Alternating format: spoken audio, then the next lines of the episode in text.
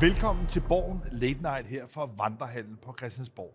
I løbet af den seneste uge er der sket mere i dansk sikkerheds- og forsvarspolitik, end jeg tror næsten, der er sket i hele mit voksne liv. Det her nationale kompromis, der blev landet søndag. Ja, hvor stort et øh, brud er det ligesom, altså hvor opsigtsvækkende er det, at de her fem partier nu er gået sammen om den her lidt større pakke? Jeg synes, det ligner sådan en øh, politisk øh, håndbremsevending. Øh, det synes jeg er det bedste billede. Altså, der har jo ligget i korten rigt, rigtig længe, at man skulle jo opruste, og man skulle op på den her 2% øh, målsætning, som man jo for lang tid siden har blevet enige om med sine NATO-partner, om man skulle op på. Men det er jo begivenhederne, der har fået det her til at, at blive fremskyndet, og øh, det ligner jo, øh, sådan ser det i hvert fald ud lige nu, at øh, man har lavet en en aftale, hvor man jo har sagt, jamen det politiske, økonomiske, ikke det økonomiske råderum, der, har, der er i de næste mange år, ja, de skal først og fremmest gå til øh, investeringer eller oprustning øh, i, i, i, i forsvaret på forskellige vis. Og hvad pengene så specifikt går til, ja, det er der nogle øh, meget klogere mennesker, formentlig også folk øh, i NATO, øh, som øh, skal blive enige om øh, på sigt. Og så ser jeg det som en, øh, det, det, det er den danske regerings svar på øh, forbundskansler Olof Scholz tale øh, sidste søndag. Øh, sådan øh, vil jeg læse det.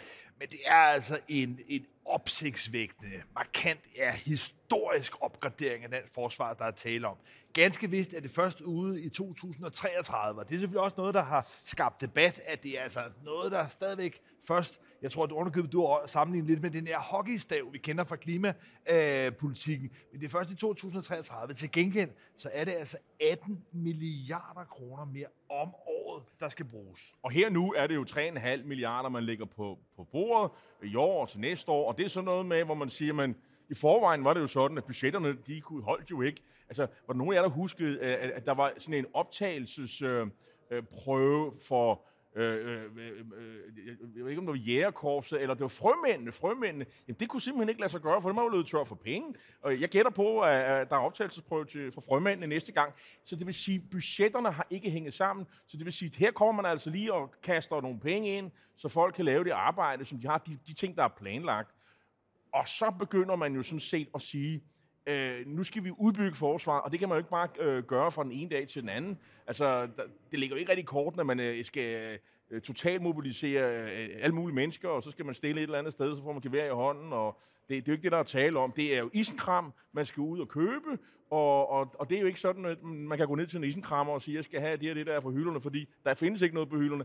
Alting skal bestilles, og lille Danmark, ja, vi kan stille os op i køen sammen med alle de andre, der også skal have isenkram. Øh, Men de det, der øh, inden så længe. Det, der er det store øh, vendepunkt, øh, Seidenvente, om man vil, øh, for nu at bruge Olaf Scholz eget begreb, der er tale om her, det er jo, at den fredsdividende, som man forsøgte at indkassere efter ophøret af den kolde krig og Berlinmurens fald, at den nu endegyldigt er annulleret, og man i virkeligheden vender tilbage til et forsvarsbudget, der kommer til at minde om, hvad man havde under den kolde krig. Der var man også faktisk op omkring 2%, men i dag, med den økonomi, vi har, der er det altså 18 milliarder kroner mere, og det er noget, der kommer til at give stor skuld gennem øh, dansk politik. I første omgang af de her fem partier, som er altså Socialdemokratiet, Venstre, Konservative, Radikale, Venstre og SF, har også besluttet at ændre på budgetloven, simpelthen for at gøre det muligt at køre med større underskud end overræk, fordi man må på en eller anden måde besinde sig på fra start af, at de her 18 milliarder, man skal op på, det er et så stort træk, at det simpelthen ikke vil være muligt at få budgetterne til at hænge sammen. Så en første konsekvens af det her er altså også, at man kommer til at køre med underskud. Det er næppe noget, der ligesom kommer til at ramponere øh, dansk økonomi. Men, men, men, men altså kombinationen af at hæve forsvarsbudgettet, ændre budgetloven, det er nogle meget dramatiske beslutninger, der er truffet her i løbet af påfaldende kort tid. Og på den måde, så skal man sige, så indsnævres jo også råderummet jo til at lave alle mulige andre ting. Altså, øh, hvad vil jeg, øh, investere i velfærd, øh, og, og, og måske også give, øh, skal man sige, erhvervslivet nogle bedre muligheder, skattelettelser til os alle sammen. Alle de der ting må jo være taget af bordet, altså fordi der er ikke det økonomiske råderum øh, til det. Så på den måde er det jo også noget, der, som siger, binder øh, fremtidige regeringer. Altså efter den her, skulle der komme en øh, blå regering, det ser ikke så ud, sådan ud lige i øjeblikket, men så binder det jo også dem øh, til de her ting. Øhm, så jeg, jeg, kan, jeg synes øh, ikke, man kan overdrive det, øh, når man siger, at det her det det er historisk. Så, men der var jo også andre ting i, øh, i posen, øh, Lars.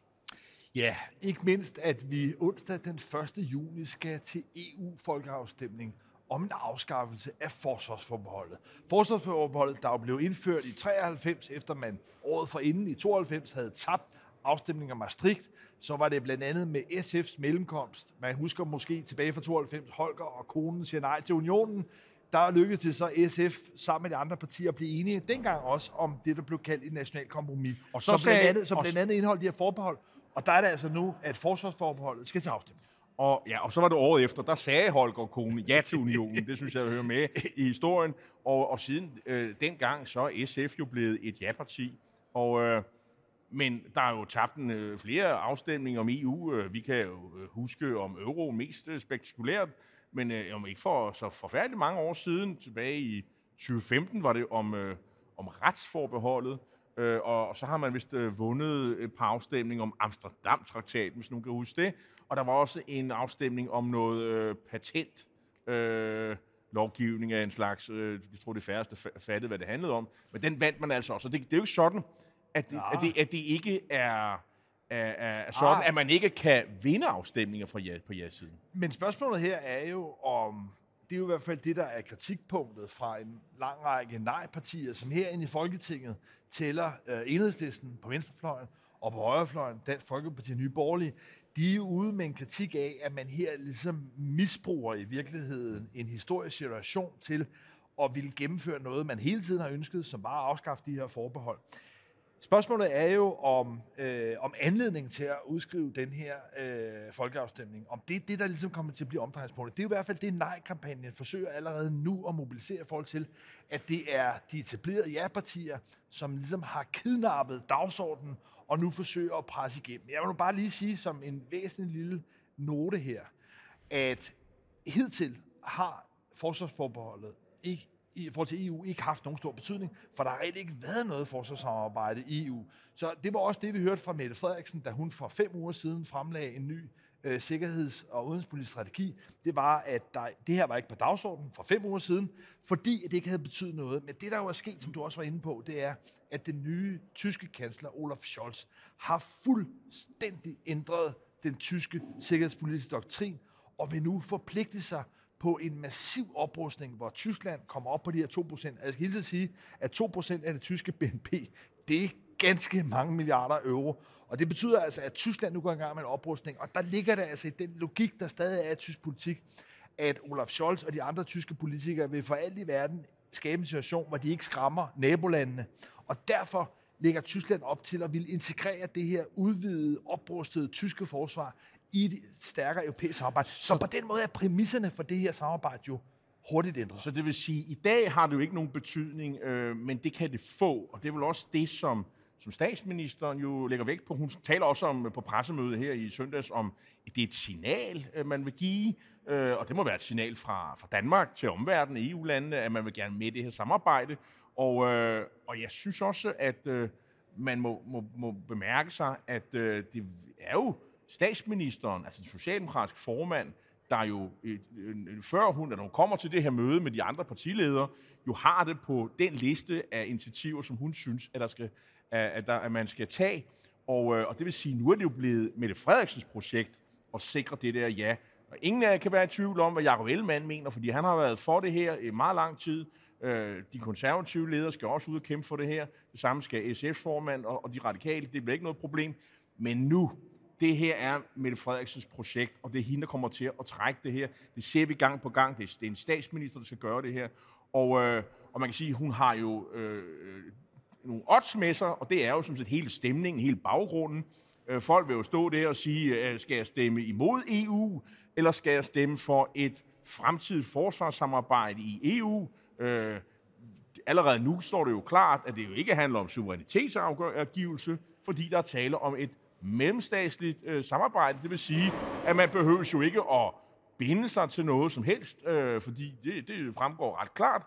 Øh, I princippet burde man jo ikke, eller det bør man jo nok for politisk, afholde den her folkeafstemning, fordi det har man jo sagt allerede tilbage i 1993, at man ville.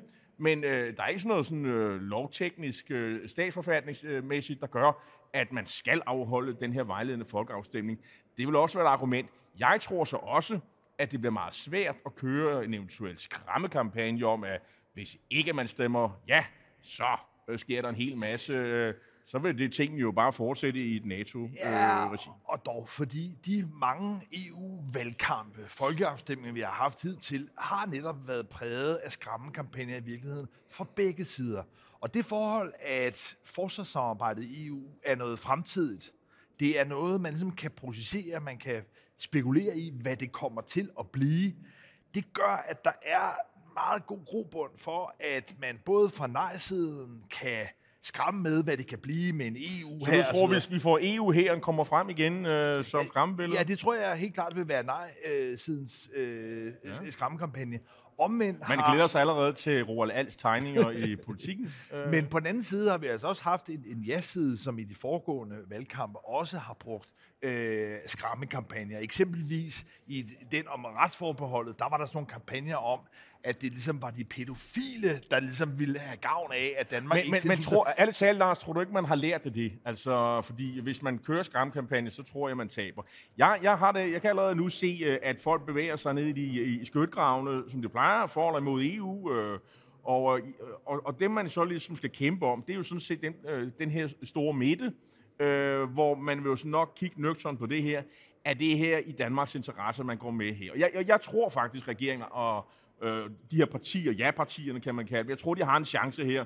Men man kan godt øh, ende med at, at tabe det hele på gulvet, netop hvis man øh, fører en kampagne, som øh, befolkningen ikke finder er troværdig. lige nu, der er det også klart min vurdering, når man ligesom vejer tingene op mod hinanden, at det vil ende med et ja. Men det er en meget lang valgkampagne. Det er om tre måneder. Der kan være sket meget, både i situationen i Ukraine og i verden som helhed. Og så har EU-valgkampagner altså vist sig at være uforudsigelige. Jo ikke kun i Danmark, men lad mig minde om, at man i Storbritannien også nåede hovedkuls. Det tror jeg i hvert fald, der er mange britter, som i dag sidder tilbage og tænker på. Noget hovedkuls. Lige pludselig var en situation, hvor et flertal primært af ældre vælgere havde fået stemt Storbritannien ud af EU.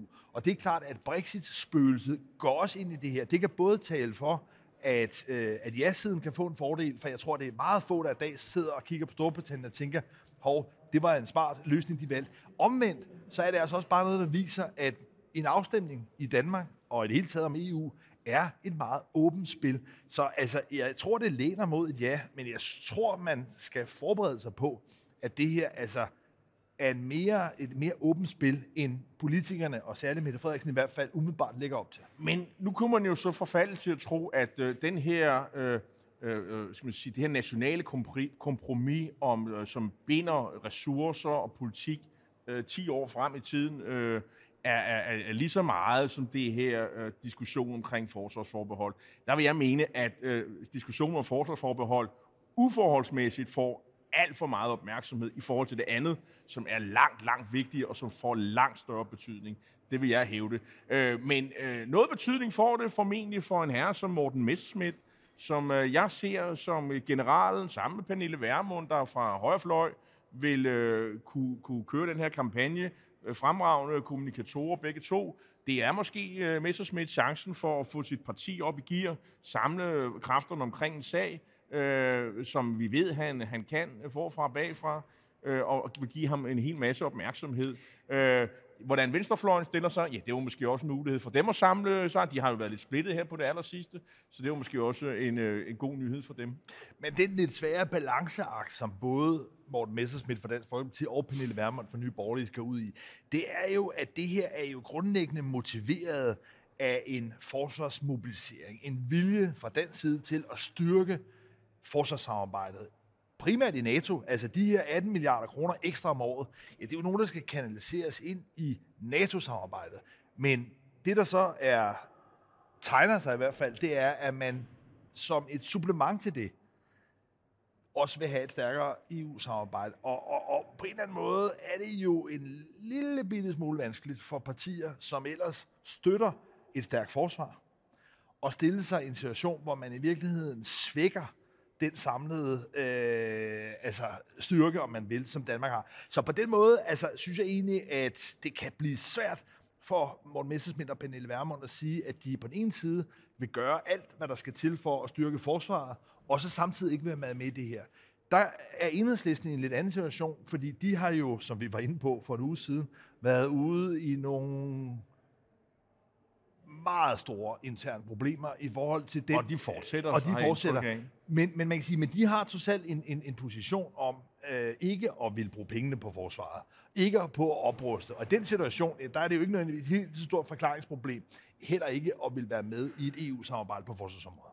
Nu tror jeg jo sådan set heller ikke, når vi, vi går lidt tilbage til hele det her nationale kompromis om at bruge flere penge, at det er det sidste, vi nu hører om, at der skal bruges flere penge. Ja, måske lige her nu, men jeg tror ikke på, at der skal gå hele 8-10 år, før at vi når op på 2% øh, målsætningen. Jeg kunne godt forestille mig, også måske afhængig af, hvordan det kommer til at gå øh, med krigen i Ukraine. Breder den sig? Fortsætter den i alt for lang tid?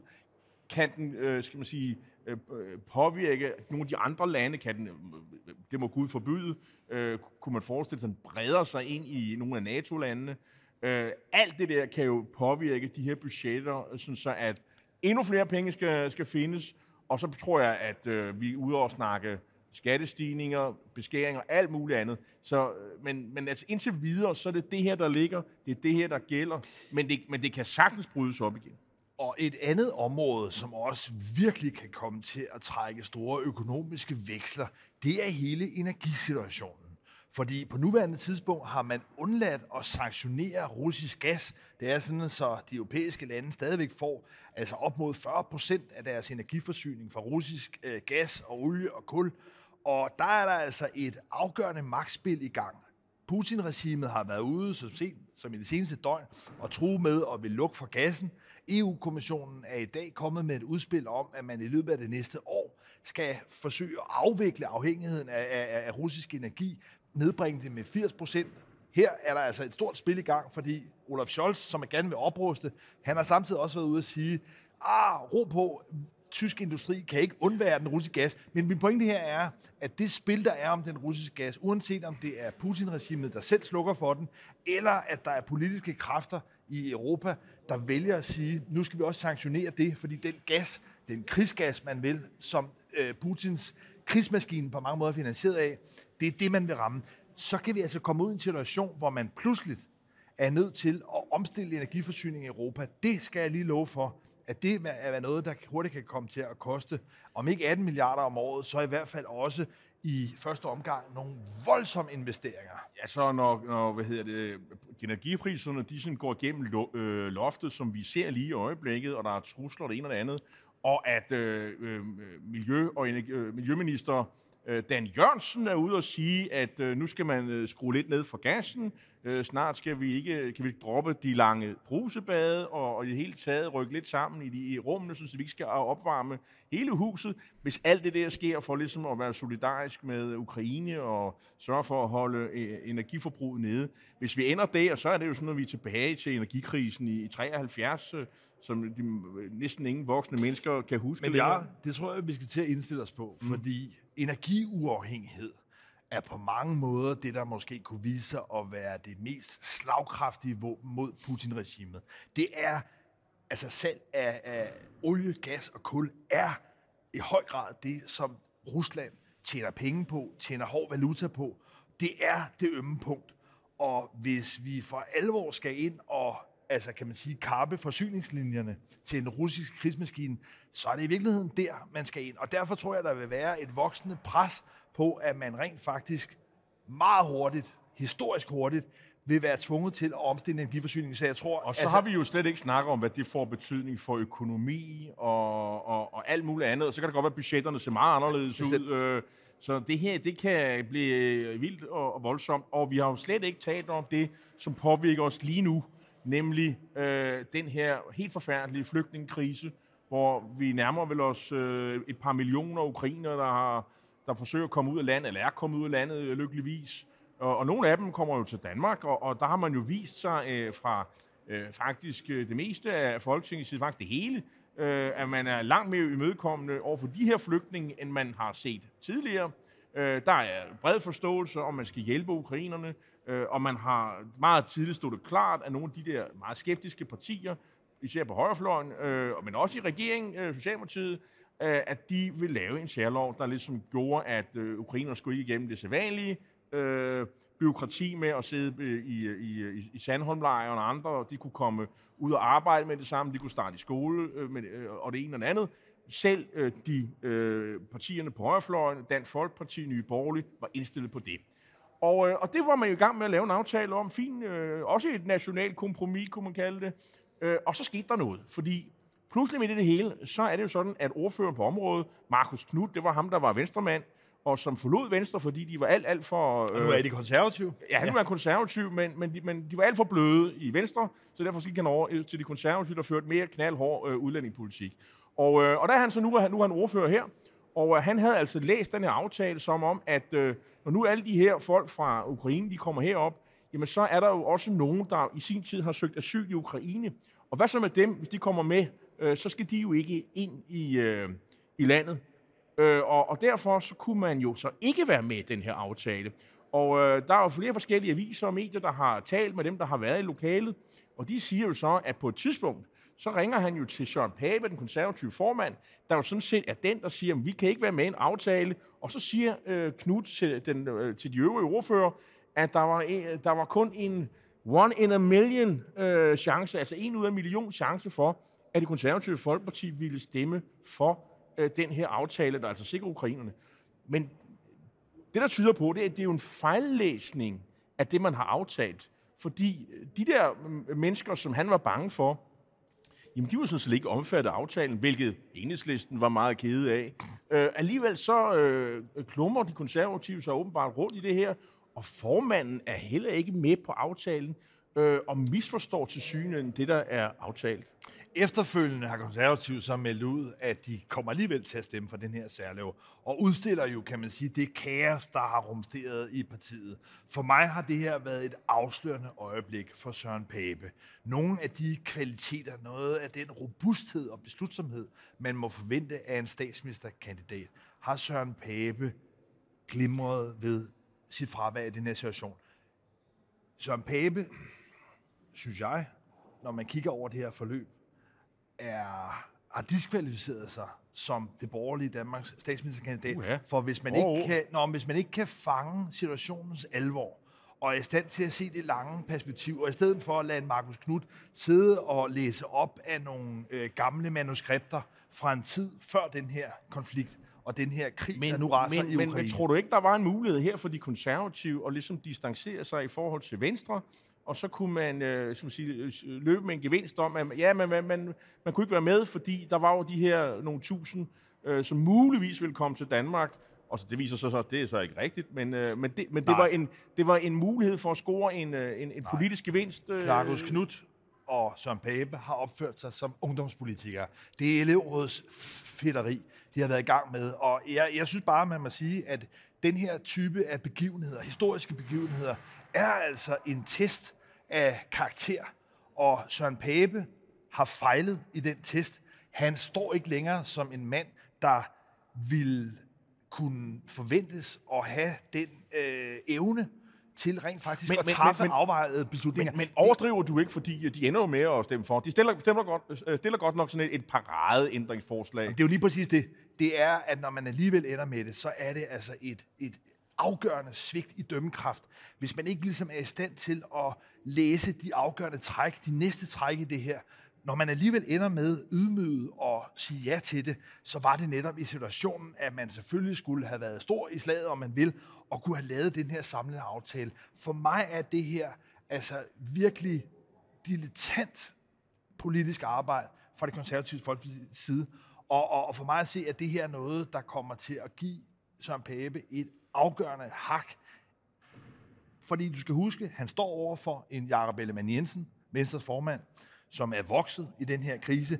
Jeg synes, at det her forløb har ændret afgørende magtbalancen. Det er muligt, at det konservative stadigvæk i målinger kan trække flere stemmer, men i spillet i en, en borgerlig blok om, hvem er det, der ligesom har formatet til rent faktisk at kunne sætte sig ind over i statsministeriet og overtage rettet, der har Søren Pape tabt. Efter den her gravsamme salbe fra Lars øh, Trier Mogensen fra Vandrehallen på, på Christiansborg, så tror jeg, det er tid til at slutte om på en, endnu en fuldstændig begivenhedsfuld øh, uge. Ja, øh, normalt er det en kliché.